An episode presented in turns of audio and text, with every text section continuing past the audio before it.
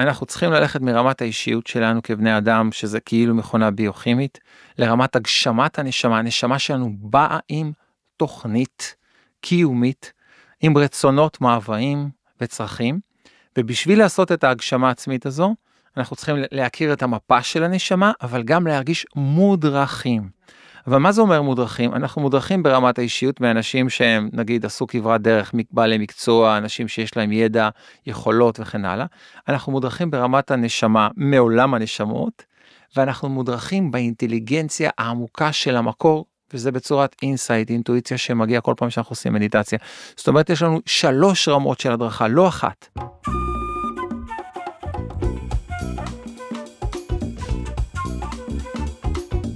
היי לכולם. אני מניחה שחשוב לכולנו להיות בריאים יותר, מאוזנים יותר, שמחים יותר, חזקים יותר, מלאי אנרגיה יותר. מעולה, כי זו בדיוק המטרה של הפודקאסט הזה, יש מקום לריפוי. אני רות רועי ויינשטיין, מייסדת ונשיאת עמותת תעצומות. בפודקאסט הזה, יש מקום לריפוי, אני פוגשת ומראיינת חוקרים, מדענים, רופאים, מטפלים ואנשי רוח מהטובים שיש. מהם תקבלו גם השראה, גם שיטות, גם כלים וגם המון ידע, שיאפשר לכם לחיות חיים מלאים, בריאים ומספקים יותר, ממקום של יצירתיות, שמחה והזנת הגוף, הלב והתודעה. בתעצומות אנו מאמינים בחמישה עוגנים עיקריים, תודעה, תזונה, תנועה, תמיכה ותקווה. אנחנו מאמינים בכל לב, כי יש מקום לריפוי. ולמען הסר ספק, אני מדגישה כי המידע שתשמעו כאן היום ובכלל אינו הנחיה או המלצה רפואית או אחרת, ואינו משמש כתחליף לייעוץ פרטני או אחר. אז יאללה, בואו נתחיל.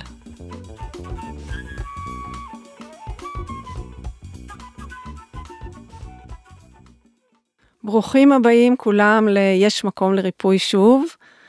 אה, זה, אנחנו יום לפני ראש השנה, אז אה, טיימינג מעולה להביא אה, משהו באמת אה, רענן ואחר. ואני אספר לכם על אה, היכרות ממש ממש חדשה שלי מאתמול. המקליט של האולפן הסכים לפתוח לנו את האולפן במיוחד כדי להקליט את הפודקאסט הזה, כי אבי חי טס, חוזר הביתה לברזיל בעוד יומיים, היום אנחנו ביום חמישי. ואמרתי, אי אפשר לפספס את הדבר הזה, אז יצאתי מהמטבח מבישול ארוחת החג ומכל העומסים של החג, אני מארחת הפעם, והגענו הנה לאולפן כדי באמת לשמוע על משהו שבעיניי הוא מכונן תודעה. אני הייתי מרותקת לחומרים שאביחי שלח ולשיחה איתו, ואמרתי, טוב, אנחנו לא נפספס את זה. אז תודה שהגעת, גם אתה עשית מאמץ גדול להגיע מחיפה היום בתוך ערב, ערב החג וככה. אכן, תודה רבה רבה לך, באמת על הזרימה, על המוכנות אה, ברגע אחד, אה, ממש לפני הנסיעה, לעשות את המאמץ הזה, כולל הטכנאי שלנו, ובאמת זה, זה היה צריך לקרות כך. לגמרי, הכל מדויק וכיף שאתה פה. אז, אה, אז ככה, אביחי, שתכף אנחנו נעריך ונרחיב עליו, הוא היה כבר כנער, הוא היה נער קצת אחר, הוא יספר לכם אחר כך, שוחר מדע, היה בכור האטומי. אה, עתודאי בצבא, בוגר הטכניון, אה, למד הנדסת חשמל, קצין בחיל הים. תואר שני הוא עשה באוניברסיטת תל אביב על מכניקת הקוונטים, שזה כבר ריתק אותי. מכניקת קוונטים ותיאוריות ספרות. ותיאוריות ספרות. הקשר ביניהם, זה היה בעצם וואו. תואר אה, אינטרדיסציפלינרי. וואו. ודוקטורט בלימודי קבלה, ספר הזוהר, אני בכלל, ש... אני קראתי את ה-CV שלו ואמרתי, וואו, הוא חייב להיות פה.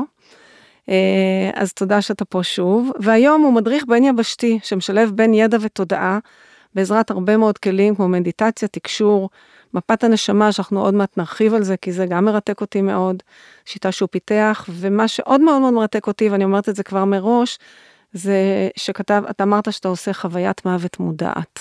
כן. וזה נראה לי... זה רק אני, בסוף שבוע שעבר.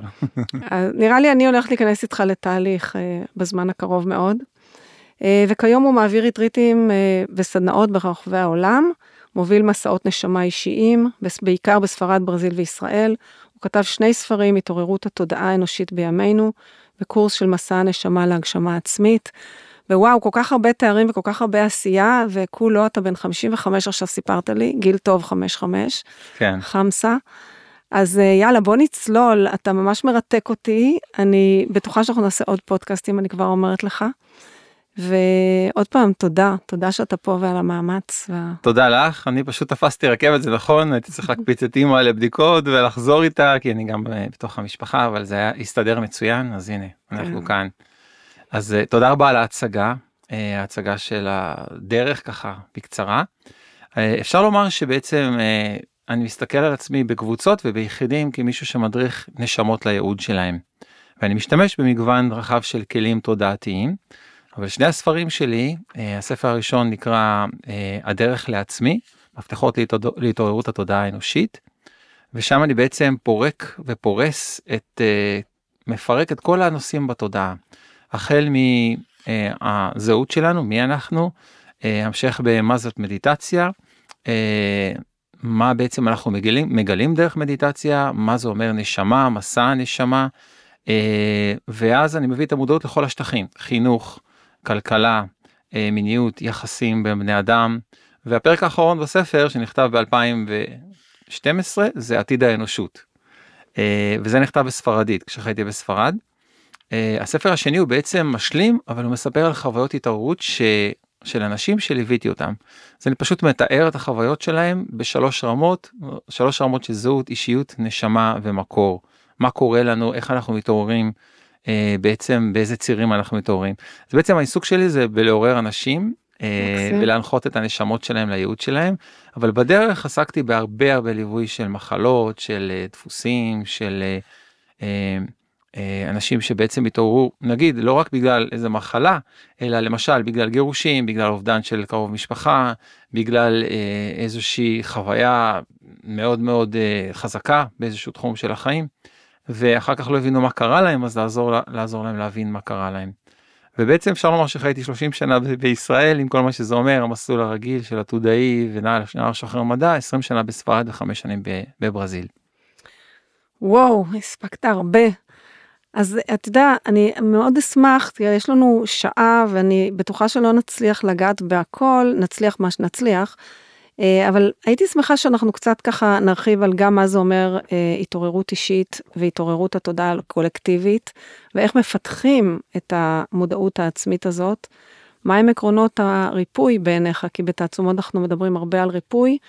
וגם הזכרנו אתמול ועל כל המקור הזה של המחלות השונות, אה, דיברנו על זה גם עכשיו בדרך, סרטן לב, פיברות הרשת, אנחנו מוצפים מחלות, אז מה באמת מקורן ואיך אנחנו יודעים להגיע למקור ובאמת לפתור את מה שאנחנו סובלים ממנו. אה, ובכלל, מהו סוד הריפוי? זה סוד גדול, כן. כולנו, כולנו, רובנו חסרי אונים. ואני, אתה יודע, אני באמונתי חיה שהכל המקור הוא התודעה. ואני, את הריפוי שלי גם עשיתי דרך חלומות ומדיטציה, אבל אני מודה שרוב האנשים אה, לא, אין להם את ה access למקום הזה. כן. ואני מבינה שאתה מאפשר או מלמד כלים שאנחנו יכולים באמת להגיע לשם, כי שם אנחנו יכולים באמת להגיע למקור של עצמנו. כן, אז קודם כל, אכן, אה, יצרתי את הקורס הזה שנקרא מסע הנשמה, ואני מלמד אותו בשלוש יבשות, כבר 21 מחזורים. המחזור הבא בישראל ייפתח תוך חודש, בחודש הבא, בעשירי לעשירי. זה מה, זה בזום? הזה- זה קורס אונליין, כאילו לא אונליין, אה, בזום, כי אני נמצא בברזיל.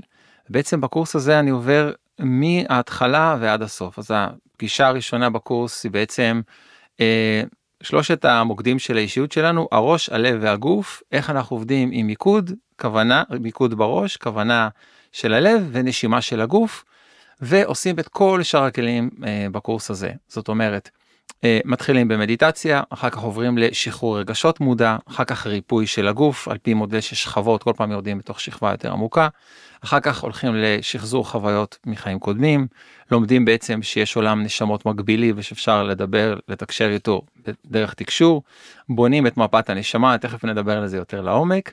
אה, מבינים שיש מודל כללי לשחרור בעיות בתודעה, אני קורא לו מודל המנורה, מנורת ישראל כמובן, וכמעט לפני סוף הקורס אנחנו עושים חוויה של מוות מודע שאנחנו פשוט, אני פשוט מדריך הרבה הרבה מחזורים, בכל מחזור אני מבקש מאנשים וזה גם חלק מהתרפיה של חולי סרטן באופן ספציפי, כי הפחד הגדול של אנשים זה המוות אז בואו נשכב, במקום לחכות שזה יקרה בואו נעשה את זה עכשיו, נלמד לעצור את הנשימה, נלמד להרפות את הגוף ונלמד להיכנס לתוך החוויה של המקור בצורה מודעת. שבעצם זאת כמו החוויה של שינה עמוקה ללא חלומות אבל בצורה לגמרי מודעת עם תהליך רגשי של התפרקות נקרא לזה פרידה מכל העולם ואשתו כמו שמקובל בישראל את זה זה גם מה שעשיתי עם 60 אנשים פה בישראל בסוף שבוע שעבר. זה היה מאוד מאוד חבל חזק, שלא זה היה, ידעתי. זה היה פשוט מדהים. ו... ובסוף הקורס יש ככה קצת על יצירת מציאות מודעת. הקורס הזה לימדתי בספרד אה, עש- עשרה מחזורים, בישראל שישה מחזורים, בברזיל אה, חמישה מחזורים, וגם באופן פרטני. אבל הקורס הזה בעצם מתבסס על הניסיון שלי. והניסיון שלי לא היה איזושהי אמונה או מערכת אמונות, אלא חקירה ישירה. אני לא מאמין בלהאמין, אני מאמין בלחוות. ויש לי שני סרטים ביוטיוב שאחד זה מסע הנשמה א' והשני מסע הנשמה ב' ובעצם אני רציתי לדעת מי אני ומה קרה לי ולהבין את, אה, את הזיכרונות שלי ולמה באתי עם כאב קיומי מאוד גדול. אה, ובעצם משם התחילה מסע החקירה ואז נתקלתי בכל מיני כלים רגע, רגע, רגע. ושם. פיתחתי את הקורס. כן. אז באיזה גיל הסבל הזה שאתה מדבר עליו, או השונות הזאת שאתה מדבר עליה, הרי זה, רובנו לא, לא עוברים את המקום הזה. מה קרה שם שהיה כזה מטלטל, שאתה צללת לתוך המקום הזה של החקירה בשביל להבין, גם אתה מדבר על חיים קודמים, ועל, זה דברים שאנשים לא, כן. זה לא היום יום שלנו. נכון לגמרי. אה, תראי אפשר לומר שכשהייתי נער מאוד צעיר וגם ילד אה, היה לי כאב קיומי מאוד מאוד גדול. זה היה כאב שאפשר לתאר אותו בתור עצב זה לא היה התנהגותי כלפי חוץ אבל הייתי הולך בעיקר לים אה, שם את הרגליים במעין כזה לוטוס נכנס לתוך המים עוצר את הנשימה ומחכה שהכל יתמוסס. ונולדתי ב- באזור של קריית ים אז באמת זה היה פרקטיקה. אחר כך כשקצת התבגרתי חיפשתי תשובות דרך המדע ואז uh, הלכתי לכל התחום המדעי עד המכניקת קוונטים שבעצם זה היה התחום האחרון שעסקתי בו בצורה ככה יותר ישירה. וכשהבנתי שהמדע לא נותן פתרונות בדרך הישירה הלכתי לתחום של התודעה אבל קודם כל עברתי דרך פילוסופיה ספרות כל הדברים האלה. אז מה שקרה לי זה תהליך של פירוק זהות.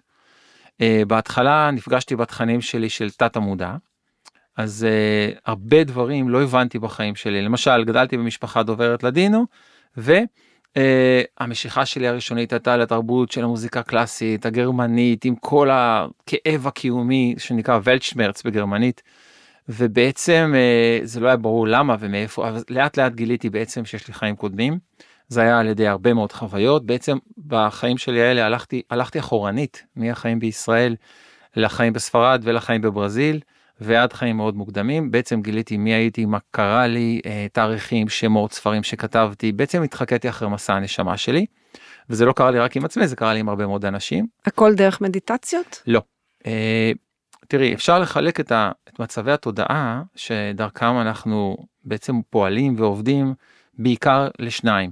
מצב מדיטציה שבו אנחנו בעצם נותנים לזהות שלנו לקרוס לגלי בדרך כלל גלי דלתא גלים שאין בהם כמעט מחשבות אין בהם תחושות אנחנו בעצם האישיות שלנו קורסת דרך תת המודע אני אומר דרך כי אנחנו לא מודעים אה, למה שקורה אנחנו נכנסים לחוויה שנקראת לא מודע כמו בשינה עמוקה ללא חלומות אבל בצורה מודעת אבל שם אנחנו מגיעים ישר לחוויה של המקור ואנחנו לא מפענחים את תת המודע שלנו ולא מפצחים וגם לא משחררים.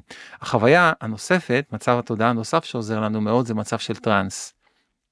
למשל מצב טראנס קורה במסיבות טראנס בנשימה מעגלית ברגרסיה קלינית וכן הלאה.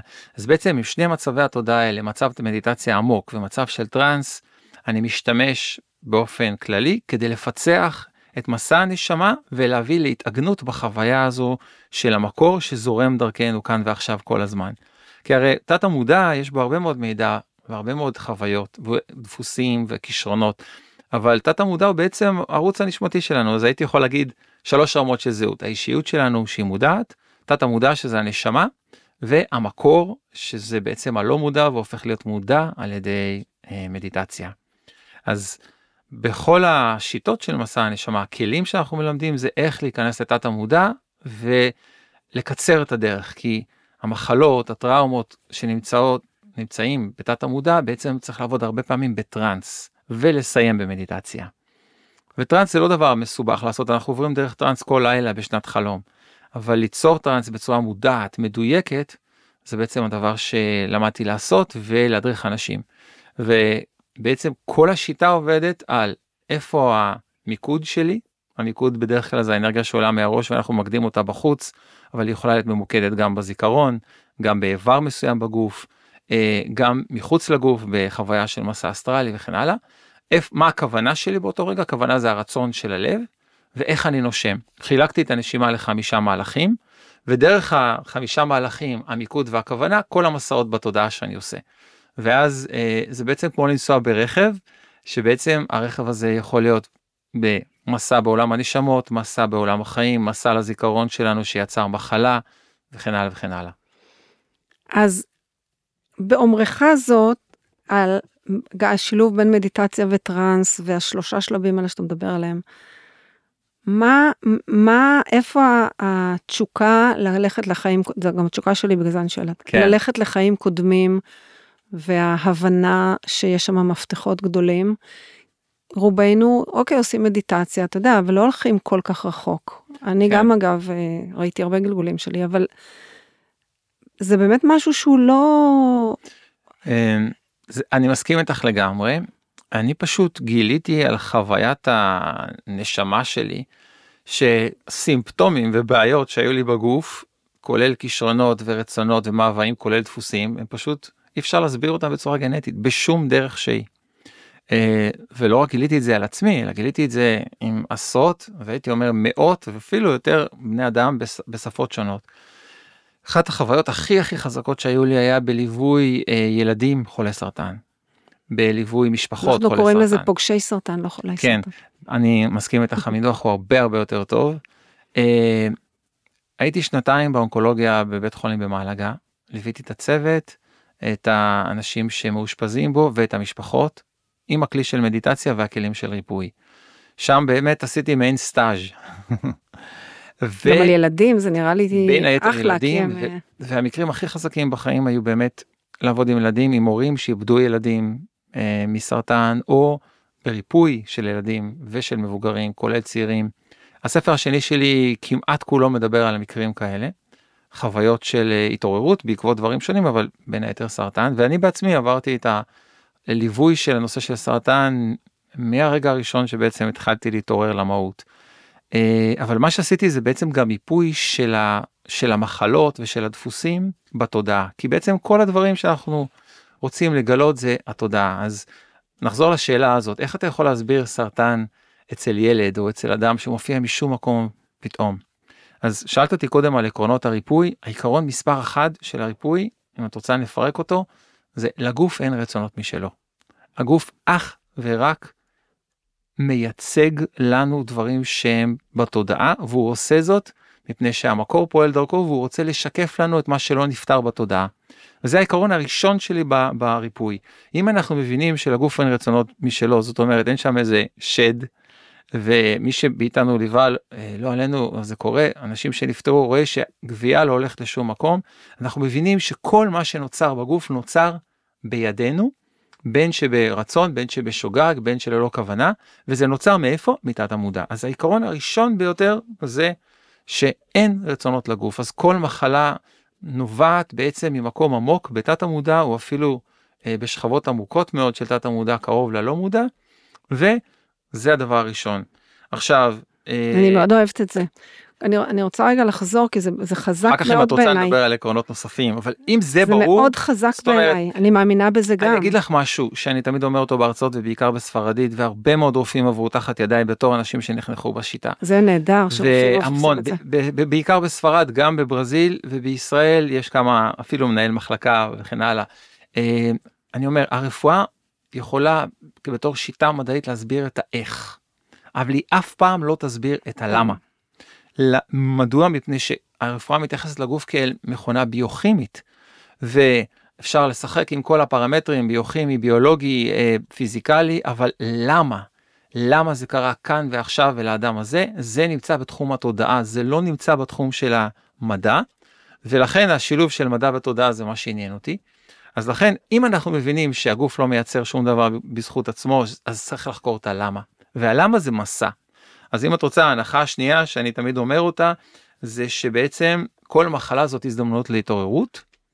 זאת אומרת לגלות את הסיבה להבין יש לי המון סרטים ביוטיוב עם הדגמות לנושאים האלה בכל השטחים של החיים, אבל בעיקר במחלות יש גם כן הרבה מאוד. ובעצם כל אדם זה עולם ומלואו, אז בעצם מה שחשוב זה לעשות חקירה עצמית.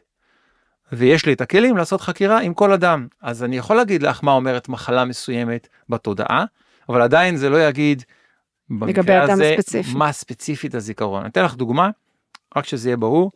אה, למשל טרשת נפוצה. התגלית שלי זה שטרשת נפוצה בכמעט בכל המקרים שעבדתי, כולל ריפוי ספונטני מדהים בכמה מקומות בעולם, נגרם על ידי חוויה של מוות טראומטי, הרבה פעמים עם, עם סוג של או עינויים, ובעצם הגוף, מה הוא עושה? הוא עושה סימולציה של מה שקרה לנו קודם לכן, כדי שניזכר ונשחרר את זה. לא בשביל לענות אותנו, להתקיף אותנו, לעשות לנו דברים רעים.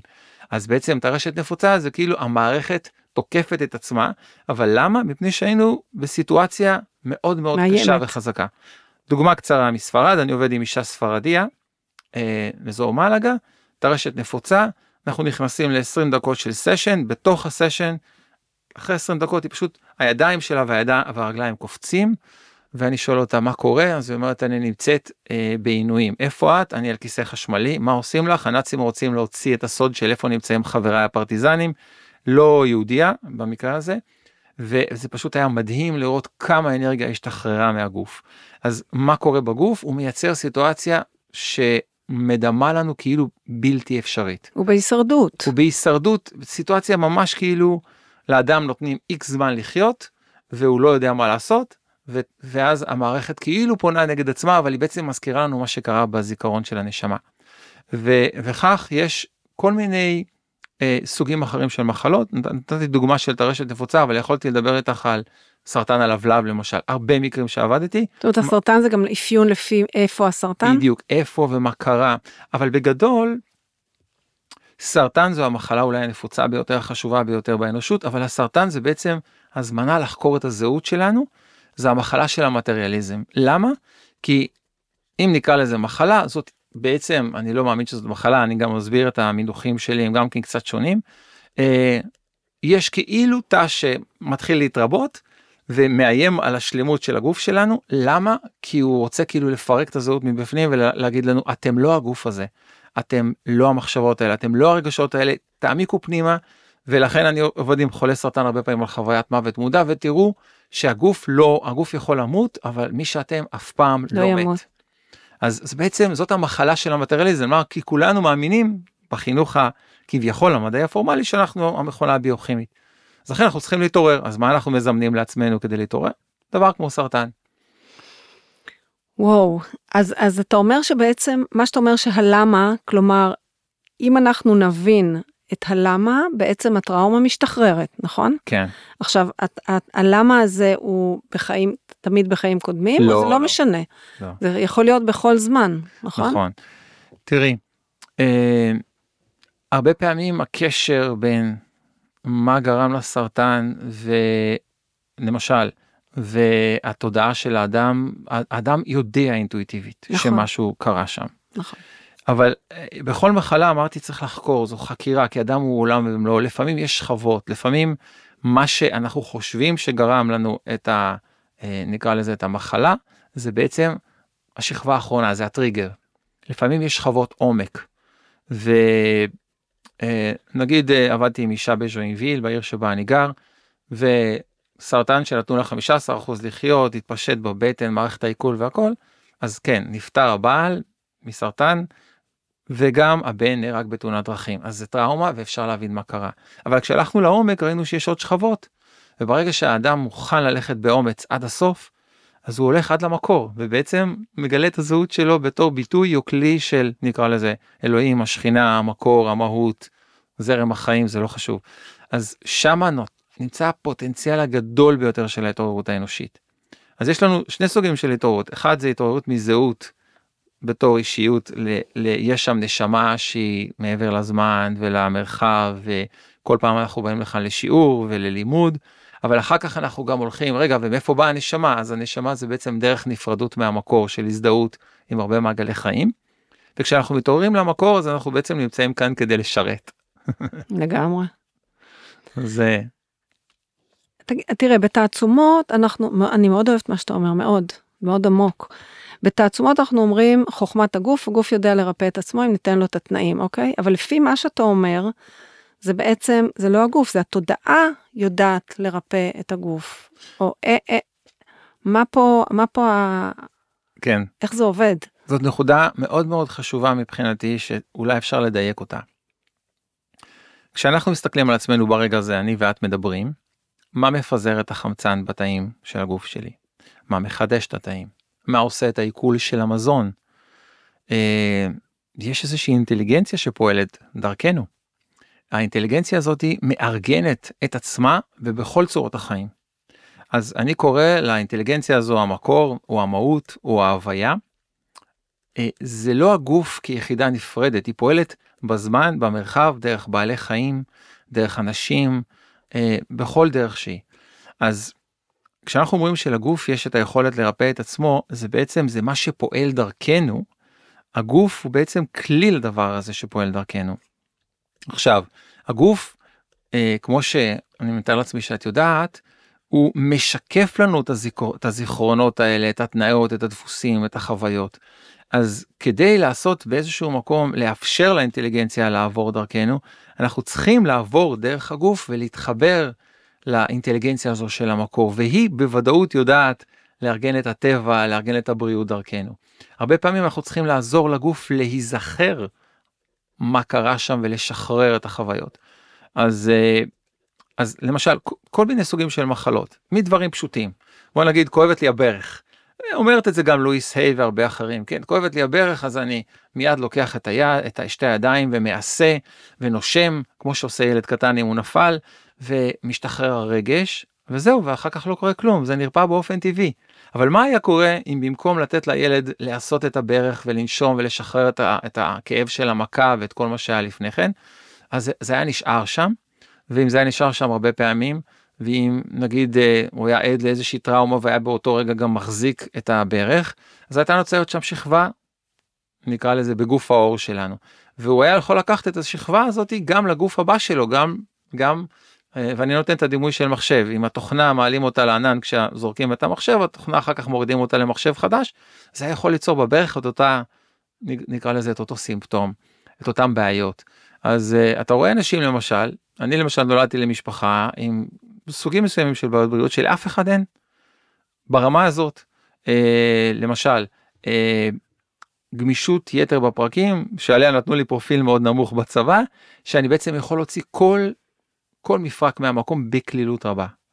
ובעיות נגיד במערכות, במערכת העיכול, אה, גם כן, אחרי שבוע וחצי סתימת מעיים. למה? למה התינוק יש סתימת מעיים אחרי שבוע וחצי הוא עדיין רק יונק. אבל כשאתה יודע מאיפה זה בא בחיים קודמים אתה יכול להבין. אז כל דבר יש לו גם משמעות בתודעה וגם זיכרון ספציפי של האדם. נכון. אה, צריך לחקור את זה. זה אומר מה שאתה בעצם אומר שהגוף הוא גשר לחיבור של האינטליגנציה שהיא מעלינו, ובעצם בעזרת חקירה אנחנו יכולים להגיע למקור ואז לרפא את מה שתפוס שם, מה שנתקע. נכון? כן. בעצם נתקע שם. נכון. מחלות. אה, תראי, אוקיי. שיטת המסע למשל של ברנדון בייז מדברת על דברים דומים, רק שהיא לא היא לא מאפשרת שום מטאפיזיקה שיש שם איזשהו זיכרון באמת אמיתי. החוויה שלי זה שאני פשוט זוכר חיים קודמים ועבדתי עם toddlers עם ילדים ממש קטנטנים אה, והם זוכרים הם יודעים להגיד איפה הייתי ומה קרה כמה מקרים שמעתי אה, ילד בן שלוש אומר לאמא אה, מחליפה לו את החיתולים קצת כועסת עליו כי הוא קופץ וזז אז הוא חברה שלנו כן הוא אומר לה כשאני הייתי אבא שלך וואו. לא התנהגתי אליי כך לא כעס, כן, דברים מהסוג הזה שהם פתאום, שלא מדבר על מקרים כמו הילד הדרוזי הזה בישראל כן. שמדבר אנגלית, אבל כל כך הרבה מקרים פגשתי. אז בעצם אה, בלי ההנחה שיש בתת המודע שלנו זיכרונות קודמים לחיים האלה, אי אפשר היה להתקדם בריפוי יותר לעומק. אה, פגשתי למשל אישה בישראל שעברה המון המון המון אה, המון המון ניתוחים באזור אברי המין.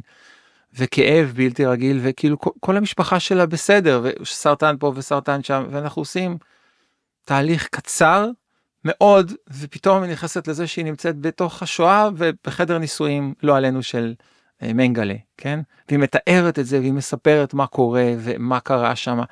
איך אתה יכול להסביר בחורה בת 19 שפתאום צריכה כאילו אה, להוציא את החצוצרות ולהוריד את הרחם, כאילו מאיפה זה בא כשזה לא נמצא שם במשפחה. אז אה, אין לזה הסבר אם אתה לא הולך ללמה באמת בעומק בתודעה וחוקר ולומד. אני, אני מאוד מתחברת לזה, כי אני חושבת שבאמת אם אנחנו עוזרים לגוף להיזכר, אנחנו יכולים לשחרר, כי זה באמת הכל זיכרונות תקועים.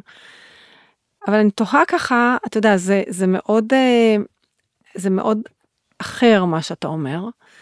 ובאמת, אם אתה יכול לתת אה, דוגמאות של אנשים שאתה יודע, אנשים נגיד ברפואה מסתכלים על זה, ולא, מה, מה זה הקשקוש בלבוש הזה? אה, על אף שאנחנו יודעים שאנחנו אנחנו אינסופיים, הנשמה היא אינסופית, וזה ברור שהיא אוגרת בדרך כל מיני דברים. זאת אומרת, זה נראה, לי זה נראה הכי הגיוני בעולם, אבל בתפיסה, כמו שאתה אומר, המטריאליסטית, אז שזה, הרוב זה הרבה הרבה חומר בתוך הדבר הזה. איך אדם באמת מוכן, או למה אדם מוכן להתמסר, הוא צריך מאוד מאוד לכאוב או לסבול כדי להתמסר לתהליך שיכול להיות לא פשוט. כאילו, אם אתה חוזר לזיכרונות טראומטיים, אתה צריך לקלף טראומות שיושבות שם, וזה אומץ. נכון. אמ, בוא נחשוב רגע על ההיגיון במרכאות. שאדם מגיע לכאן חי נגיד 60, 70, 80 או 30 שנה, לא הספיק הרבה ללמוד, לעשות, וזהו, נגמר. וזה כמו כפתור שכיבינו אותו. איזה היגיון יש בחיים כשהם כך? הרי מתחת לפני השטח תמיד תהיה הישרדות, תמיד יהיה חוויה של מה אני יכול להשיג יותר וללמוד, ואנחנו יודעים שהחיים הם אינטליגנטיים. החיים הם לא, הם לא דבר סתמי, אה, ומה שאני עשיתי כשלמדתי אז בכניקה קוונטית, זה היה עוד בתואר השני, בעצם הבנתי שמה שעשה המדע הוא צמצם את המכניקה הקוונטית רק לרמה המיקרוסקופית. זאת אומרת, הוא דיבר על כל חלקיק אלמנטרי בתור שתי תופעות שונות. חלקיק שיש לו מסה בדרך כלל והוא בעצם בעולם החומר, וגל שהוא בעצם בעולם ה... כביכול בעולם האור. ואז אני אמרתי לעצמי, רגע, אבל למה? אה, הרי כבר בימינו, ואני תמיד מראה את זה במסע הנשמה, יש צילומים בבתי חולים, אה, צילומים מתאונות בצמתים במקומות שונים, ואתה רואה שמהגוף, ממש כך רואים גוף של אור, אור. עולה מתוך הגוף הפיזי. זאת אומרת שהמקור של הבריאה אה, מייצר מתוכו איזושהי דואליות. המקור הוא לא דואלי ואנחנו יכולים להתחבר לחוויה הלא דואלית בתוכנו, אבל המקור מייצר גם גוף פיזי וגם גוף של אור. ולמה שני גופים? כדי שנוכל לעבור מאחד לשני. אז זה כמו חומרה ותוכנה, יש זרם של המחשב ו... והוא עובר בחומרה ומייצר גם את התוכנה. וכשהמחשב כאילו כבר אין לו אין לו מה יותר קצת ישן והכל אנחנו מעלים את התוכנה שלנו לענן יש מרחב מקבילי ומתוך הענן אנחנו מורידים את התוכנה הזו למחשב חדש עם הזיכרונות עם הוידאו והאודיו והתוכנות האהובות עלינו ועוד פעם מחזור חיים. אז גם תוכנה את לא יכולה לקחת ביד את צריכה בשבילה כלי קיבול נכון? גם הנשמה שלנו כזאת רק שאני קורא לה גוף האור ואם את תסתכלי על סרט המסע הנשמה הראשון אז אני מסביר שבשביל להגיע לתובנות האלה שאת מכניקת הקוונטים צריך בעצם להסתכל עליה בצורה מקרוסקופית ואז פתאום רואים שיש צילום קירילי ויש צילומים של נשמות עוזבות את הגוף וצילמו נשמות גם ברוסיה וגם מקומות אחרים כשהן עוזבות בשניות האחרונות ורואים את זה פשוט רואים זה אחד הדברים שאני מראה לאנשים בקורס מסע הנשמה, רואים את הנשמה עוזבת את הגוף. אז יש עולם של נשמות, העולם הזה נחקר בהרבה דיסציפלינות. למשל, אה, דיסציפלינה שחקר אותה אה, דוקטור מייקל ניוטון בארצות הברית, עולמם של אה, גורלן מס... של נשמות כן. ומסע הנשמות. מסע נשמות. כן, אבל, אבל הם, לא, הם, לא, הם לא בתוך המיינסטרים, אבל תקחי את הנושא של מסע אסטרלי שנחקר גם כן על ידי מונרו ועל ידי אנשים אחרים. תקחי את הנושא של, של, של שחזור גלגולים. יש אה, איש ספרדי שהוא פסיכולוג קליני שהוא מעלה רגרסיות כבר כמה שנים טובות. מאות של רגרסיות של אנשים ביוטיוב אנשים לא דוברים ספרדית לא יראו את זה אבל זה קיים כמובן באנגלית בריין וייס נכון, ואחרים נכון. Uh, תקחי את, ה, את הפרדיגמה uh, של תקשור הרי תקשור נמצא משחר משחר האנושות אחת הדוגמאות שאני מביא זה מהתנ"ך. אני אומר בוא ניכנס uh, לשמואל ונקרא את, ה, את הסיפור של שמואל ובעלת של שאול בעלת האוב ושמואל.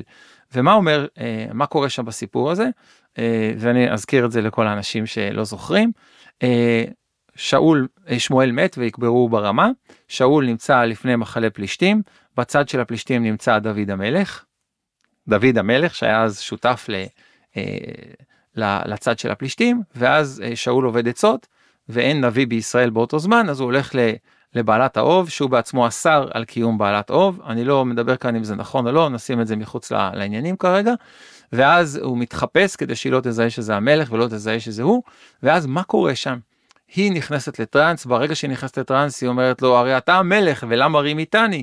ואז הוא אומר לה, אה, לא יאונה לך שום רע, כי אני המלך, אז אני מבטיח לך, תגידי לי מי נמצא שם. ואז היא מעלה את רוחו של שמואל בטראנס. ושמואל אומר לו שאלוהים הסיר את החסד מעליו, ומחר אתה ובניך תמותו ותהיו עימי כאן. אז מה זה אומר עימי כאן? כאילו, פשוט מאוד. זאת אומרת, יש עולם נשמות, שאליו שמואל אומר לו, תהיו עימי כאן, אתה מחר תהיה עימי כאן, זאת אומרת, יש המשכיות לנשמה, וזה כתוב בצורה כל כך ברורה ופשוטה. עכשיו, זה לא קיים גם רק בתנ"ך, זה קיים בספר המתים המצרי, בספר המתים הדיבטני, בכל המסורות, יש עולם נשמות מקבילי לעולם שלנו, ו... ולוקח זמן להכיר בזה אבל זה קיים. עכשיו הבעיה עם כל הנושא זה שברגע שנכנסים לעולם של תקשור אם אין לנו את הכלים להבין לנתח בצורה מודעת איך זה קורה ומה לעשות, איך להיכנס לטראנס, איך לצאת מטראנס, איך להתאגן במצב של מדיטציה, נכנסנו לכל השדה הבעייתי של שרלטנים ואנשים שמשתמשים ביכולת שיש לכולנו בצורה שהיא לא ראויה, או כדי לעשות מניפולציה, או כדי לגבות כסף, או כדי ליצור איזה כת, בשעה שזאת יכולת שקיימת אצל כולנו. אם הייתי עכשיו מול קהל, והייתי אומר כמה אנשים חוו חלום שבו קרוב משפחה בא להגיד להם שהוא נמצא בצד השני והכל בסדר אחרי שהוא נפטר. אני חוויתי הרבה כאלה. כן. אז מה קרה? נכנסנו לטראנס, עברנו, קיבלנו את המסר, אבל שכחנו שבעצם זה קיים כל הזמן שם בצורה מקבילית. אני גם לא יודעת אם אנחנו נותנים לזה מספיק מקום, אתה יודע, אנחנו כאילו מבטלים את זה. אני, אני את כל הריפוי שלי קיבלתי בחלומות, כן. אבל לא ביטלתי, אמרתי, זה, זאת כנראה האמת שלי, זאת אומרת, זאת הדרך שלי. אבל אתה צריך בזה באמת הרבה אומץ ו... ולא לבטל את המקום הזה, כי זה מקום שאתה יכול לחשב גם קצת אה, קוקו, אתה יודע, לאנשים. לגמרי.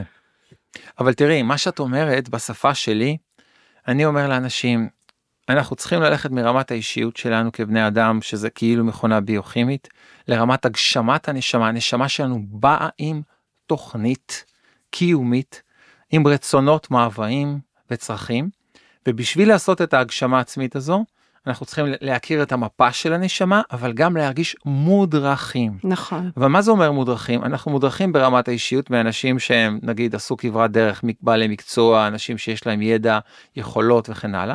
אנחנו מודרכים ברמת הנשמה מעולם הנשמות, ואנחנו מודרכים באינטליגנציה העמוקה של המקור, וזה בצורת insight, אינטואיציה שמגיע כל פעם שאנחנו עושים מדיטציה. זאת אומרת, יש לנו שלוש רמות של הדרכה, לא אחת. אני עכשיו מדבר איתך, אני יכול לראות בך מדריכה שלי ברמת האישיות. לצורך העניין את יכולה להיות גם ברמת הנשמה אבל אם אני אכנס לטראנס אני אקבל מיידית הדרכה ברמת הנשמה מעולם הנשמות ואם אני אכנס למדיטציה עמוקה אני אקבל הדרכה ברמת המקור ממה שפועל דרכי. ושלושת הסוגים של ההדרכה הזאת מאוד חשובים בהגשמה העצמית שלנו חייבים שתהיה בהירות שיש לנו אותם אנחנו לא לבד כאן. ו- וזה חשוב בריפוי, זה חשוב בהגשמה עצמית, מאוד מאוד חשוב. אני חושבת שהריפוי הוא חלק מה, מהתהליך להגשמה עצמית, זאת אומרת המחלות לא באות סתם. אם אנחנו מבינים שמחלות, אנחנו פה, המחלה פגשה אותנו כי יש לזה סיבה. אז אנחנו גם מבינים שיש דרך אחר כך, אתה יודע, זה... בדיוק. אז בעצם מה שאמרת זה שמחלות הן הזדמנות אה, להתעוררות. לגמרי, ככה מאוד. אנחנו, ככה כן. אנחנו חושבים בתעצומות. אה, אני אגיד, אני אגיד כך, אה, שהדברים שלא פתרנו אותם בתודעה הם, הם מוצפים לנו דרך הגוף לפעמים צועק, הגוף צועק לפעמים הגוף מדבר כדי שאנחנו נביא את המיקוד שלנו את האור של התודעה שלנו לתוך תת המודע ולעומק ומשם אנחנו נגלה מי אנחנו באמת. וכשאנחנו מגלים מי אנחנו באמת אנחנו פשוט הופכים לכלי שרת בידי המקור. אה, אנחנו פשוט מבינים שיש לנו משימה ואפשר להבין אותה ו- ולבצע אותה. עכשיו, את אמרת בתחילת הדברים משהו על מפת הנשמה שזה מסקרן אותך. הקורס אגב נקרא מסע הנשמה, לא מפת הנשמה, אבל אחד הפרקים הכי חשובים זה מפת הנשמה. תחשבי רגע על, על, על, על, על התיאור הזה שדיברנו עליו קודם. נגיד שבאנו מהרבה מעגלי חיים. ו... לא נגיד, באנו מהרבה מעגלי חיים. אני אומר את זה באופן תיאורטי, שאלת מחקר, אני אוהב את השאלות מחקר ככה ואז לנסות לפצח אותם. אז איזה סיכוי יש לנו בחיים האלה לפתור את כל מה שעברנו עשרות או מאות גלגולים. לפי התיאור הזה, כאילו זה בלתי אפשרי. אבל יש אינטליגנציה. ומה אומרת האינטליגנציה? וזה העיקרון של מפת הנשמה, שאנחנו כאישיות נימצא באולם המראות שלנו. זאת אומרת, כל מי שהיה באמת משמעותי בחיים קודמים שלנו, נמצא במציאות העכשווית שלנו, ואלה יהיו כל האלמנטים שלנו בחיים, למשל, הילדים, בני הזוג, אה, החברים, ההורים, הנושא של המקצוע שלנו, ואז אם אנחנו נעשה עבודה עם כל אלמנט במראה הזאת, אנחנו בעצם נבין מה קרה לנו בחיים קודמים, שזה לא העניין העיקרי, אלא אנחנו נוכל כאילו למצות את התהליך של הדרמה והקרמה בשפת הבודהיזם. אבל בשביל זה אנחנו צריכים להביא המון המון המון מודעות. אז כל פעם אני אומר למישהו, נתקלת באיזה מערכת יחסים קשה, איזה אגוז קשה לפצח, בוא נעבוד עם זה כמו מראה, ופשוט אתה תצלול פנימה לזיכרונות, למה שקרה, תביא מודעות, ופתאום תהיה קפיצה קוונטית, מה שאני אומר, כן, בפתרון. ובעצם כל מה שגורם לנו סבל זה הפיצול הפנימי שאנחנו חווים אותו מול המראות האלה בחיים שלנו. אז לכן אפשר לפתור את, את הקרמה, אם את רוצה, במעגל חיים, כמו שאומרים במסורות שונות, במעגל חיים אחד, אבל התנאי הוא חקירה עצמית עמוקה מאוד, עבודה עם כל האלמנטים שיש לנו בחיים. וכמובן מיצוי של היכולות שלנו. אז אני משרטט לאנשים לפעמים את המפה ואני אומר אוקיי, אה, אני מבין שיש שם הרבה סבל כי תראה אתה עובד בבנק אבל אני שומע שלך בא ליצור מוזיקה בכלל אז מה אתה עושה פה. אתה רואה את זה אתה רואה את כל הדברים שמסביב אז ברור שיש שם המון סבל. ו, וככה אנחנו יכולים להסתכל על כל האלמנטים בחיים. אתה באמת כשאתה מדבר על, ה, על אלמנט המראה ואנחנו באמת הולכים אחורה לכל המראות האלה אתה באמת מאמין שבגלגול חיים אחד אתה יכול לפתור אנדלס גלגולים? כן. Endless. כן. אני אני חווה את זה כך אני מאמין בזה כך ואני רואה אנשים שהם. אני הולכת להתנסות איתך זה נראה לי אה, וואו. אני פשוט חושב שזה תלוי ברמת ההתמסרות שלנו לעבודה במודעות. ואני אגיד לך יותר מזה אנשים שואלים אותי למה עכשיו יש 8,000 מיליון נשמות על פני אדמה ולפני 150 שנה היו 800 זאת אומרת פי 10. ואני אומר להם כי הנשמות האלה באו להתעורר והרבה מהנשמות האלה הן נשמות ותיקות, נשמות שהן מבינות שיש כאן מסע שאנחנו צריכים למצות אותו, וגם אם לא נסיים אותו בגלגול הזה זה לא העניין לסיים אותו אנחנו נוכל בעצם להרגיש סיפוק אדיר בהרפתקה הזו מיצוי חוויה של באמת אושר. ואני עברתי הרבה מקומות בחיים הרבה שפות הרבה כי בעצם לא עניין אותי משהו אחר מאשר להבין את המסע שלי בתור נשמה ולעזור לאנשים אחרים להבין את המסע שלהם. ובמהלך הדרך הזו אז הכרתי הרבה אנשים שאמרו לי לא אני, אני זה ברור לי שאני לא מתגלגלת או מתגלגל כאן אני יודע כבר מה קרה אני מבין אני מבינה ואנחנו נמצאים כאן עכשיו כדי לעשות את באמת מה שבאנו. וכאילו זה מה, ש, זה מה שאני רואה את עצמי שם אנשים על דרך המלך. לא לבזבז זמן על שטויות כאילו. אה, ללכת באמת על הדברים שאנחנו אוהבים ורוצים ולשחרר את, ה, את הדפוסים, את ההתניות שיש שם בעומק. וואו, מרתק. וכמובן שתנאי הכרחי זה לעבור חוויית מוות מודע, שעשינו אותה בסוף שבוע שעבר, ושהיא אומרת בוא לא נפחד מהמוות, המוות זה גם ריפוי. המוות זה בעצם... המוות זה גם שחרור. שחרור, ריפוי.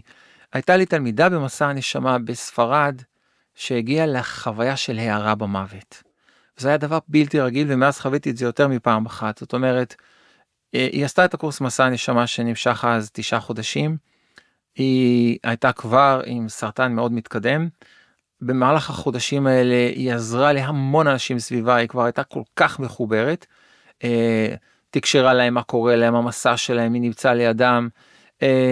ובחודש השמיני שזה בעצם מסע נשמה זה תשעה חודשים לא סתם זה בעצם לידה ו- ומוות אז בעצם בחודש השמיני קצת אחרי המחזור השמיני היא, היא הייתה כבר ללא יכולת נשימה והיה הרבה היו הרבה גרורות בריאות ואני מדבר איתה דרך, הטל, דרך הפלאפון עושים סשן והיא אומרת לי אז איך אני מתחברת למקור שאני לא יכולה לנשום ואני מדריך אותה לפי מה שאני מכיר ויודע.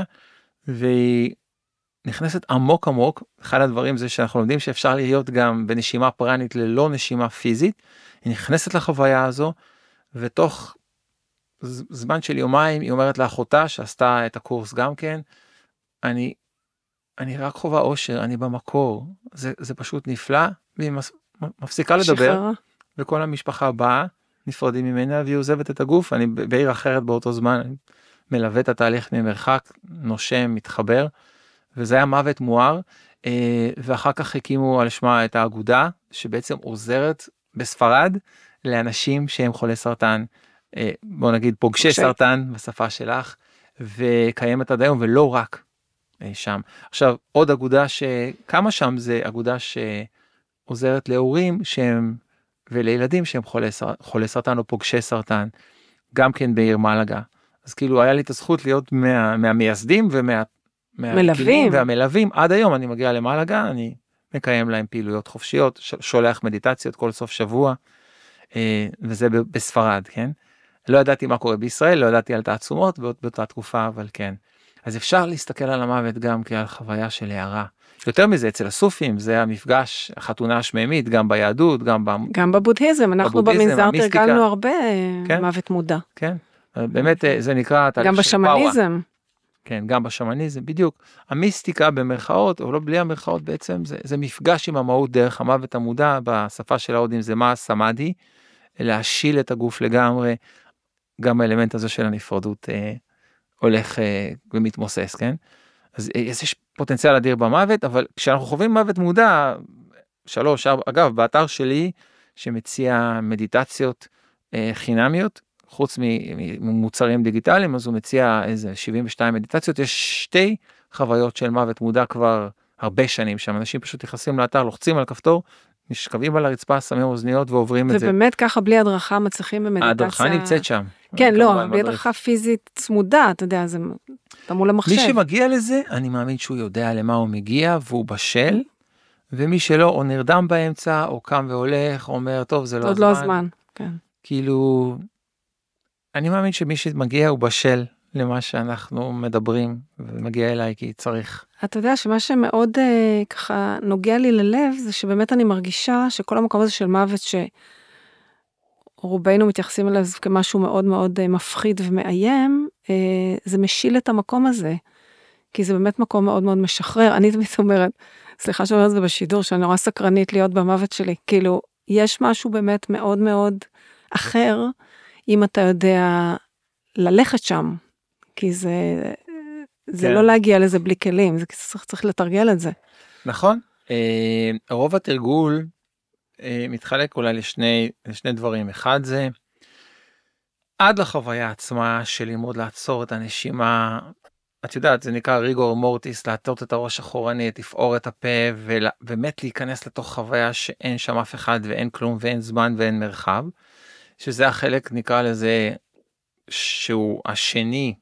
החלק הראשון זה לשחרר דרך נשימה מעגלית ועוד כל מיני כלים את הכאב שלנו הקיומי, את הרגשות. אה, הגוף לפעמים עובר רעידות וקפיצות וכל מיני דברים כאלה. יש לי צילומים של וידאו של הדבר הזה. ואני משתמש בהמון כלים כדי לעורר את החוויה הזו, כולל כלים מהשמניזם, אבל בעיקר מיקוד, כוונה ונשימה. ו... ואני מצאתי בחוויה שלי עצמי, כל כך הרבה פעמים שעשיתי זאת, שבצמתים של החיים, שאנחנו צריכים להכריע, שאנחנו מרגישים עמוסים, כשאנחנו מרגישים חוסר בהירות, החוויה הזו משחררת אותנו בבת אחת מהכל, ופתאום נולדת בנו הבהירות, מה אנחנו באמת רוצים ולאן פנינו מועדות. זה לא סתם אה, רק כאילו לקרוס פנימה, אלא זה גם להבין מי אנחנו וללכת למקום שממנו אנחנו. מרגישים מודרכים. שם, מקבל, שם מקבלים את האומץ ללכת למקום הזה. כן. תשמע, אני, אני שמעתי עליך כמה פעמים מכמה אנשים מסביב, מטפלים בדרך כלל, וגם מישהו שהוא פיזיקאי, ואתה יודע, הוא דוקטור לפיזיקה והוא נכנס מאוד מאוד חזק, הוא אחד הפולוורס המאוד מאוד נאמנים שלך. וזה זה מדהים היה לשמוע איך אדם שבא ממדע פר סה, מדבר על התהליכים שהוא עושה איתך ועל הבהירות שהוא מקבל בתוך התהליך. והוא אומר, המדע שהיה כאילו העוגן והייתי אחוז בו כאילו זאת האמת, פתאום, אה, אה, פתאום נראה לי אחרת, כשהוא התחיל להיכנס לתוך המקום החווייתי והרגשי. ואני חושבת שבאמת אם, כשיש מדריך לתוך הדבר, הרי כל דבר, אם אתה הולך עם מדריך, זה משהו אחר. נכון, זה יותר קל, ולי יש והיו המון מדריכים. אני אומר לך רק משהו לגבי האמת והמדע, שזה חשוב להבין. אה, כמו שאמרנו קודם, המדע מתאר, לכן הוא יכול לענות לפעמים על השאלה איך. האמת היא חוויה ישירה. החוקים של המדע מתארים את ההרמוניה, את היופי שיש בבריאה, אבל הם תיאוריים, הם לא האמת. האמת היא החוויה, זאת אומרת, נגיד הסתכלת וחווית פרח בעומק של, של החוויה הפנימית שלך, את מסתכלת, מתבוננת, וחווה את הפרח כמי שאת. זאת חוויה ישירה. המדע יבוא ויתאר, יש לו עלי כותרת ויש לו את האנזימים והמולקולות והתאים והמבנה הזה והזה. הנוסחאות של המדע הן מתארות את ההרמוניה ואת היופי שקיימים בבריאה. הם לא האמת, האמת. בפני. עצמה. ורוב האנשים מתבלבלים, שוכחים, פשוט זה קל לשכוח שאומרים לך אה, שזאת האמת. ואז מה קורה? הדת, המדע הופך לדת, כי אתה חושב שהנוסחה היא האמת, אבל הנוסחאות השתנו כל כך הרבה פעמים בהיסטוריה, במש... נכון. והן ממשיכות להשתנות, לא. בעוד שהחוויה הישירה, ואיינשטיין ידע את זה, וכל הגדולים של המאה ה-20 ידעו את זה, גם בור וגם הייזנברג וגם שרדינגר, הם כולם אמרו את זה, ופאולי בוודאי ובוודאי, כל הגדולים שבזמנו היו החביב, החברים שלי בתזה, אז הם כולם ידעו את זה, הם גם אמרו את זה, וזה כולל גם את הוותיקים יותר. אה, לא חשוב אם זה ג'ורדנו ברונו, או אם זה אה, דה וינצ'י, או אם זה ניוטון בעצמו. את יודעת שניוטון היו לו יותר כתבים על מיסטיקה מאשר על פיזיקה. נכון. ועל מתמטיקה נכון. ואף אחד בכלל לא הולך לשם אנחנו הפכנו את המדע לדת שכחנו שהמדע מתאר את האמת, הוא לא האמת בפני עצמה, הוא אף פעם לא היה. כי נהיינו מאוד ראשנים. אני חושב שזה בא איפה? מתוך מקום שאנחנו רוצים להדמות לבורא ולשלוט בבריאה. לשלוט, נכון. וברמה שאנחנו שוכחים שהאינטליגנציה הזו היא תמיד תראה לנו הפוך על הפוך, כמו שאני אומר. ואני רוצה משהו לומר בעניין הזה, כי בעיניי אם יש מקום זה שווה להגיד, אנחנו בונים עולם שהוא כולו סביב סיליקון וגרמניום. אה, אלה שני היסודות שנמצאים בדיוק מתחת לחמצן.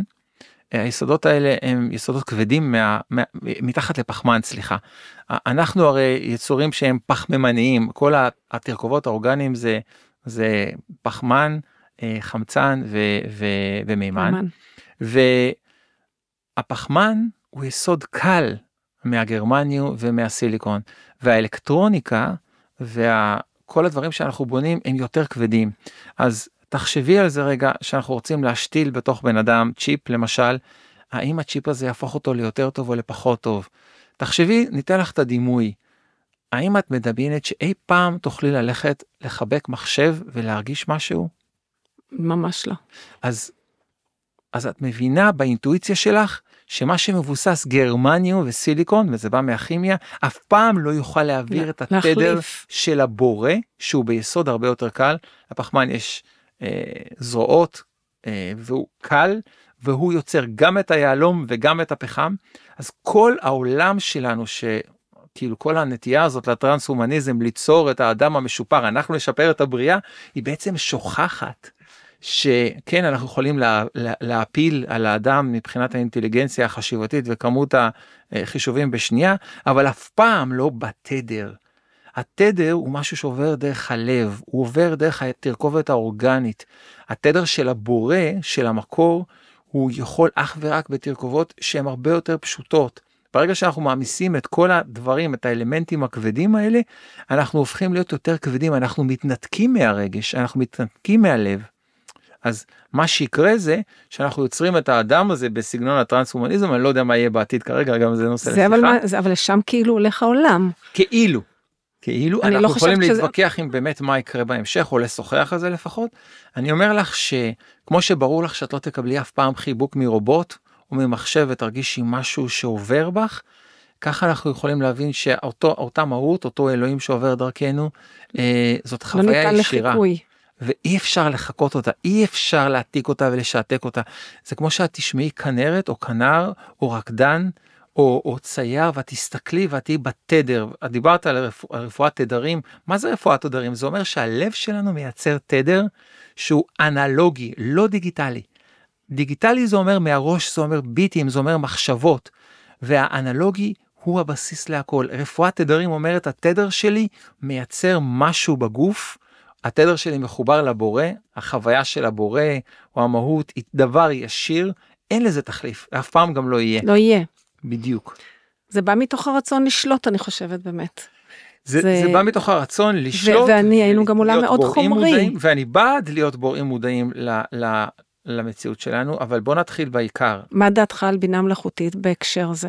אז, אז באמת זה אחד הסיכונים הגדולים ביותר, כאשר אנחנו ניתן לבינה המלאכותית לשלוט בחיינו, אה, ואנחנו לא ננחה אותה בעקרונות מנחים, אז אנחנו בעצם שוללים מתוכנו את היכולת הזו להתחבר לחוויה המקור. הזאת של המקור בצורה ישירה ואורגנית.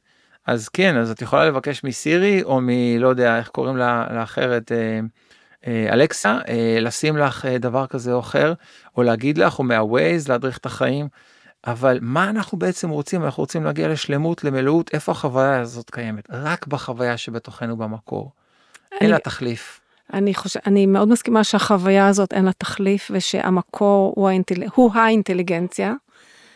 אני היום סיפרה לי חברה שהיא כתבה מאמר לוויינט והעבירו את זה דרך בינה מלאכותית ואמרתי את לא מבינה מה קיבלתי בחזרה היא צריכה הכל לערוך מחדש זה היה שם פשוט זייף לי את הכל היא אומרת לא היה ואז היא אמרה לי לא היה שם לב.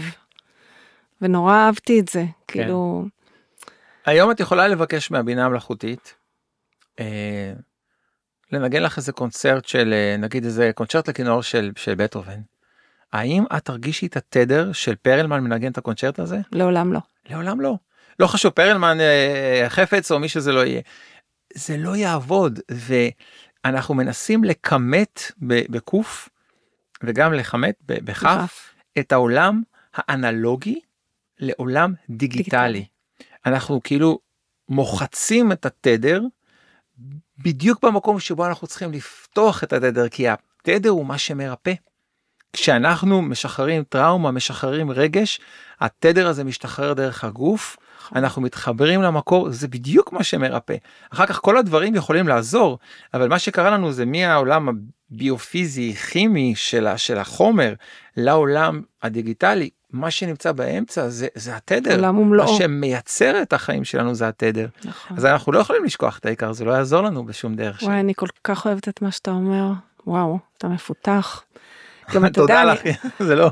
אני חושבת גם על זה, על ה, איך אתה עשית מיקס של כל מה שלמדת בכל השנים האלה, ואתה מביא את זה למשהו שהוא יכול, שהוא בר למידה, והוא בר יישום, והוא, והוא זמין לכל אחד, אם אנחנו פתוחים באמת לעשות את התהליך. כן. שזה... תראי בוא נחשוב רגע מפתח. בצורה פשוטה כשאנחנו מחוברים למקור ואנחנו יוצאים מהמקור יש שלושה דברים שכאילו משודרים מהמקור בצורה אה, עצמאית אבל עם קשרים ביניהם. האחד זה התדר של הלב שלנו לכן דפיקות לב רגשות הם תמיד סינגולריים הם תמיד אנלוגיים. השני זה ביטים של מחשבות את המחשבות אנחנו יכולים לקדד בצורת מילים, שפות ו- ו- ואותיות, והשלישי זה החומר. אז יש שם אה, משהו שהוא אסור, אסור לנו לבלבל. אי אפשר להגיד שכל שמה שמיוצר מה, מהמקור זה רק ביטים, מה שמיוצר זה גם חומר גם, וגם גם. תדר, ותסתכלי על עולם הטבע. איזה אינטליגנציה הייתה יכולה ליצור את הצבעים האלה של דגים ואלמוגים ושוניות. כמה שאנחנו לא נלך ונטבע ב mind שלנו אנחנו אף פעם לא נגיע לאינטליגנציה המדהימה הזו.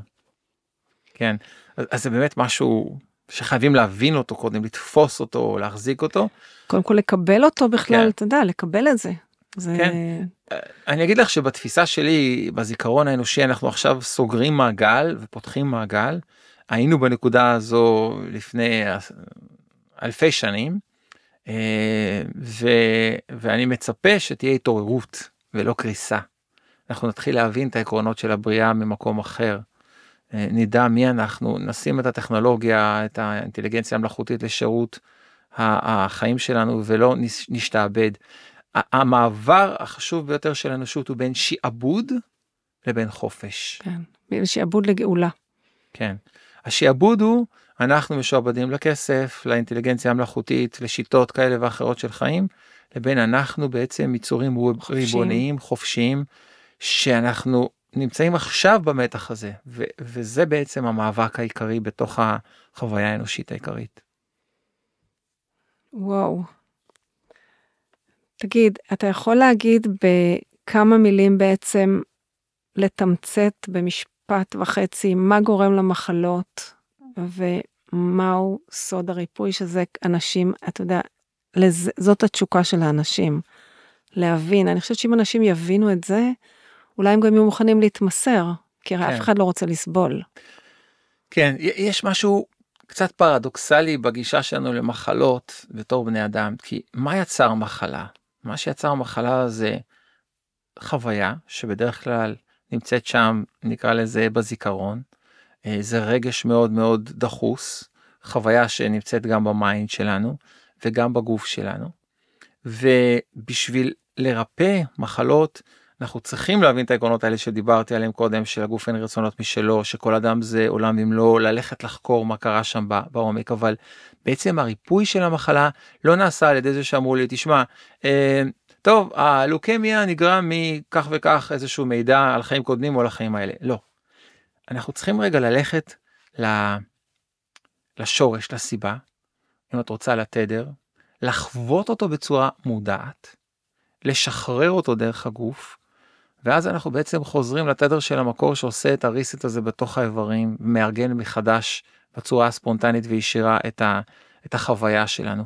זאת אומרת שזה לא מספיק לדעת מה היה שם, בהחלט. חייבים לחוות את התדר, וזה בעצם להיזכר במה שכבר חווינו. זאת אומרת, אין ממה לפחד כי כבר עברנו את זה, אז ההיזכרות היא לפעמים מפחידה את האנשים, ההיזכרות או החזרה לרגש הדחוס ש... שבעצם אה, נתקע במרכאות בזיכרון, אבל הוא לא נתקע, הוא פשוט מזמין אותנו להיזכרות. אז אני פגשתי אנשים שהיו בבית חולים במחלקה האונקולוגית והעדיפו למות, אבל לא לחוות את הרגשות שלהם. זה מה שביקשתי להגיד לך. כן. שאני חושבת שהפחד בלחוות את זה שוב הוא מאוד מאוד מאיים ותוך כדי שאתה מדבר יש לי רשימה של אנשים עם כל מיני טראומות שאני אומרת וואו אני הולכת להמליץ להם אה, אה, לעבור את התהליך איתך. ובו זמנית אני אומרת, וואו, האם יהיה להם אומץ באמת להסתכל לנמר בעיניים, אתה יודע, ו- ולעבור דרך זה, כי אי אפשר, זה, זה לא בלהבין את זה, וזה לעבור דרך זה. בדיוק. תראי, דיברנו כאן על, אה, נקרא לזה, סוגים מסוימים של סרטן, או מחלות אה, קשות. אה, הניסיון שלי אמר שכאשר אדם פתוח בתודעה שלו ומבין שמשהו זה לא הזיכרון, משהו באמת זה לא הזיכרון, הזיכרון זה מה שיצר את, ה, את הייחודיות, את התחושה של הנפרדות והשוני שלו. הזיכרון הוא בסך הכל חוט המוליך שלנו, התת המודע שלנו מלא בזיכרונות, אז ההתייחסות שלו לזיכרון זה כאל משהו שכבר נמצא שם, אז למה לא להיכנס ולראות מה קרה שם? זה לא דבר שהוא כל כך מאיים, זה יותר בחשיבה שלנו, בתפיסה שלנו. אז בסופו של דבר, אה, להיכנס לזיכרון ולהבין אותו ולפרק אותו, לפענח אותו, לעבור דרך הרגשות, זה הרבה פחות מפחיד משזה נראה. אה, למה? כי בתוך התהליך אנחנו כל הזמן שומעים על, שומרים על מודעות ערה, אני מחובר למקור, אז יש פחד, כן, הוא צף ועולה, כן, עוברים דרכו, איך? אתה בתוך המודעות של המקור. אם זה נמצא שם, אז אנחנו נושמים את הפחד, מתפתלים, בוכים, צועקים, נגיד אם זה פחד, כן, לפעמים זה צער, לפעמים זה כל דבר שהוא, אבל זה עובר, זה, כל דבר עובר, אבל נכון. מתוך המקור אנחנו יכולים לעשות את זה. כאשר אנחנו ברמת האישיות, זה נראה נורא מפחיד. אבל כשיש את העומק של המדיטציה, אז הטראנס הוא לא מפחיד בכלל, אתה פשוט עובר דרך הטראנס, אבל מתוך התודעה של, של המקור. בכלל, כל השיטות שעוברות על טראנס, אז אם הן לא מתעגנות בחוויה בעומק של המדיטציה, אז הטראנס נראה משהו שמנתק אותנו והוא מפחיד מאוד. וזה לא חשוב גם אם זה הולכים למישהו לחוויית של האיוואסקה, האיוואסקה יכולה להיות דבר למשל שלא עוזר בכלום אם אין את התודעה נכון. הערה בתוך זה של מה אני חווה בעצם. אז אז הפתרון לעבודה עם, עם הזיכרון שלנו זה להיות ערים שיש שם מישהו שידריך אותנו להיות ערים זה וכך וקורה בוא ננשום בוא נרגיש וכל הכלים שאנחנו צריכים זה בסך הכל מיקוד כוונה ונשימה לא יותר מזה. אני חושבת שזה מיקוד כוונה ונשימה ומישהו צמוד שיוכל לקחת אותנו את הדרך יד ביד. נכון נכון אני מסכים אני גם הייתי צריך מדריכים בדברים שונים בחיים שלי גם במדע גם בספרות גם באמנות גם בריפוי. אה, מי שהנחתה אותי אני אספר אנקדוטה, אה, כשאני הייתי, הגעתי מהטכניון, עברתי את כל התארים, הגעתי לספרד, ואמרתי, טוב, בוא ניקח איזה מדיום בינלאומית אחת כזאת, שהייתה אנגליה, שחיה בדרום ספרד, אני, אני אביא לה את כל החברים שלי דוברי הספרדית, היא לא מבינה אחת בספרדית, ובוא נראה אם היא יכולה להגיד להם משהו. ואז היא התחילה לעבור אחד אחד ולתקשר, מה שאחר כך למדתי ממנה. והיא אומרת להם דברים והם פורצים בבכי ורק הם יודעים את הדברים אמרתי איפה הסיבים האופטיים כאן מאיפה היא מביאה את כל המידע הזה היה לי ברור שזה לא איזה טריק כי אני מכיר את האנשים האלה ו... ואז אמרתי אוקיי אז יש דרכים לעבוד עם מיקוד כוונה ונשימה לרדת מהאישיות לרמת הנשמה ולעומק למקור ולהבין את עולם הנשמות ולהבין כן יש לנו גישה ישירה לכולנו אפשר לעשות את זה זה לא מסובך זה פשוט. וכל אדם בסופו של דבר יש לו רצון להתעוררות. לכולנו נכון, יש רצון להתעוררות. נכון. השאלה היא מה אנחנו מוכנים אה, להקריב במרכאות בשביל זה, אתה יודע. כמה אנחנו מוכנים להתמסר, כמה אנחנו מאמינים. כן. הרבה פעמים אנשים לא מאמינים. ותהליכים כאלה אתה יכול, בזום הם, הם אפקטיביים, כי הרי אתה לא חי פה. תסתכלי על הזום שלי, יש לי שם זום בספרדית, בעברית ובאנגלית ובפורטוגזית. כל כך הרבה תהליכים מוקלטים, יש שם אנשים שמתחברים ליקיריהם בצד השני, בהדרכה בזום. מה הנחת המוצא שלי? אנחנו כולנו מחוברים ממילא. נכון. גם בזמן, גם במרחב. אה, על זה מתבססות שיטות אה, מתוחכמות כמו ראייה במרחק, כמו מסע אסטרלי, כמו...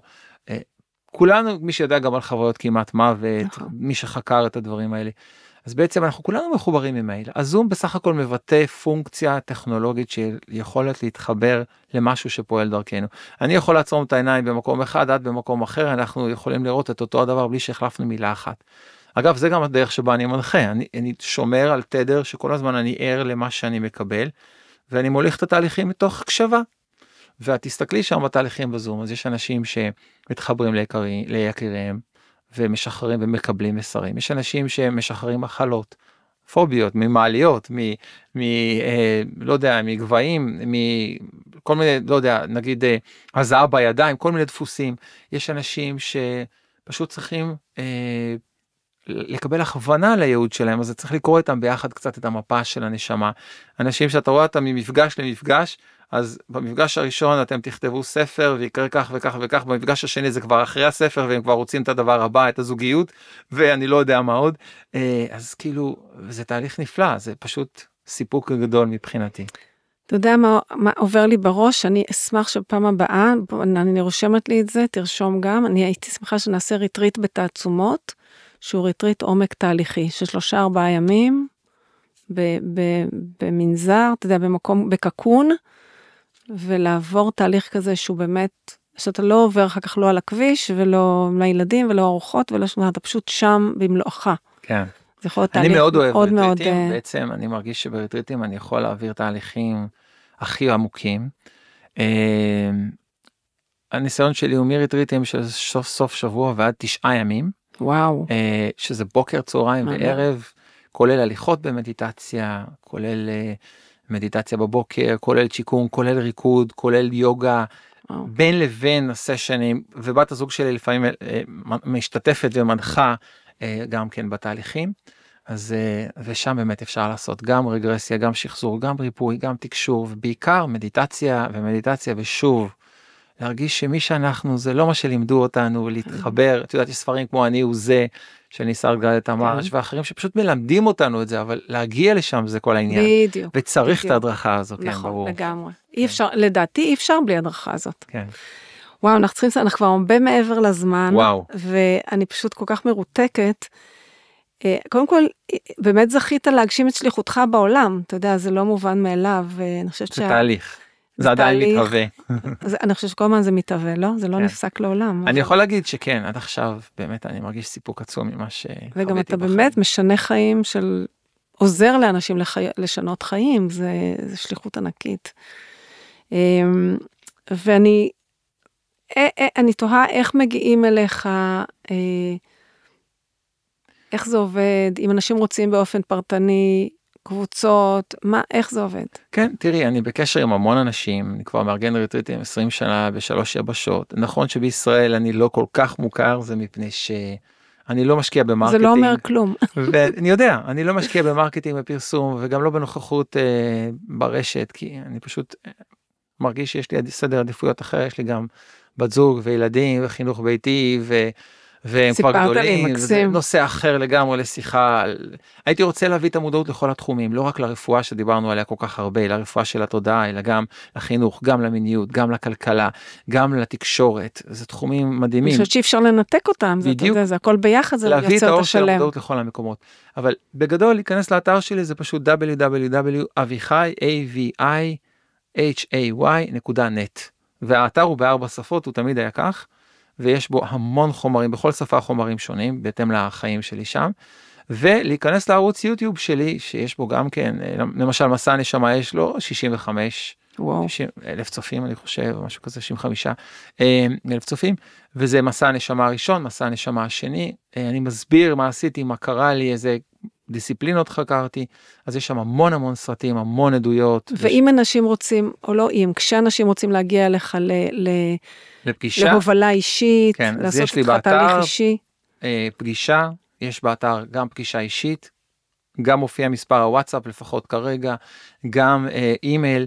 אחר כך יש את קורס מסע הנשמה שאמור להיפתח בעוד חודש ממש אני, בישראל, אני כבר שם. דרך הזום. ויש שם גם את ה... אה, יש שם גם את הפרטים של הפעילויות שאני עושה בכל מיני מדינות, כל פעם במקום אחר. אז הנה הפעילות האחרונה היא הפעילות שהייתה סוף שבוע שעבר. ונגיד שאתה עושה פעילות בספרד, אתה עושה את זה בספרדית? או באנגלית? או איך זה עובד? התקווה של שלי אני כבר ישר חושבת לנסוע לריטריט כזה. אז כיוון שאני מכיר אה, את המקומות היטב, נגיד בברזיל אז אנחנו עושים את זה במקום מאוד בטבע, ליד נהר, ליד ה, ממש ה, היערות, בספרד זה במקום שהוא מאוד אנדלוסי, אז אני, התקווה שלי זה לאחד בין תלמידים אה, בספרד, ברזיל וישראל ולעשות ריטריטים משותפים. מקסים, אני מוכנה ולתרגם בשבילי זה לא בעיה, הספר, השפות האלה בשבילי אנגלית, ספרדית, עברית ופורטוגזית הם באותה רמה פחות או יותר, לא, לא כמו בעברית אבל רמה של תרגום בלי בעיה. הילדים שלי גם עוזרים לי בתרגום, הם גם עשו את הקורסים האלה אז. אז אה, כן, אז אה, כל המידע שם. יופי.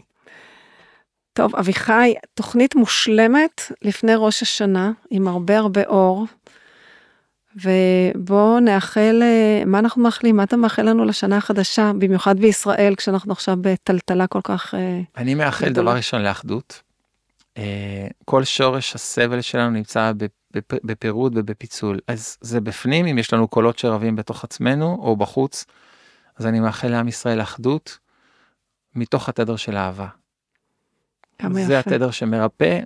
אנחנו כולנו בשורש יודעים שזה, זו אותה מהות, ובמקום להתעסק במה היה ומי צודק ומי לא, בוא נתעסק במה אנחנו רוצים לבנות כאן, ולראות שהצרכים של כולנו יכולים להיות ממולאים. האינטליגנציה מבטיחה אגב, שאנחנו נוכל גם וגם וגם, אם אנחנו נתעסק במה שצריך, שזה איך למלא את הצרכים הבסיסיים של כל הפלגים, של כולם, ונבנה את החזון, כי עברנו שלב אחד, עכשיו זה השלב הבא, זה תהליך טבעי של מה החזון שלנו ביחד, וזה אפשרי. אז אחדות מתוך תדר של אהבה.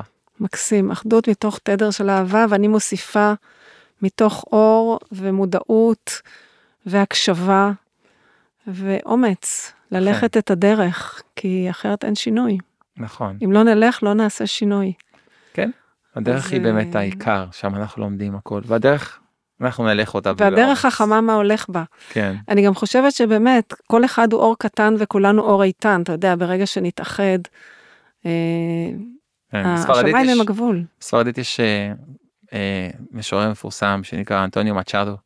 אנטוניו מצ'אדו אומר, קמיננטה נו אי קמינו, קמינו סאסיה על אנדר. אז הוא אומר כך, ההולך בדרך, אין דרך, את הדרך, הדרך נעשית על ידי ההולכים בה. נכון. בספרדית ככה. תרגום. וזה זה מקסים, וזה גם דרך הריפוי. ללכת את הדרך, וטוב, ובהקשבה. כן, וצניעות, בדיוק. וצניעות וענווה. אני באמת באמת רוצה להודות לך על ההזדמנות להיות כאן מה, היום. מה, תודה, אתה מקסים, וואו, אתה מרתק. אני, טוב, אני מצטרפת בעוד חודש.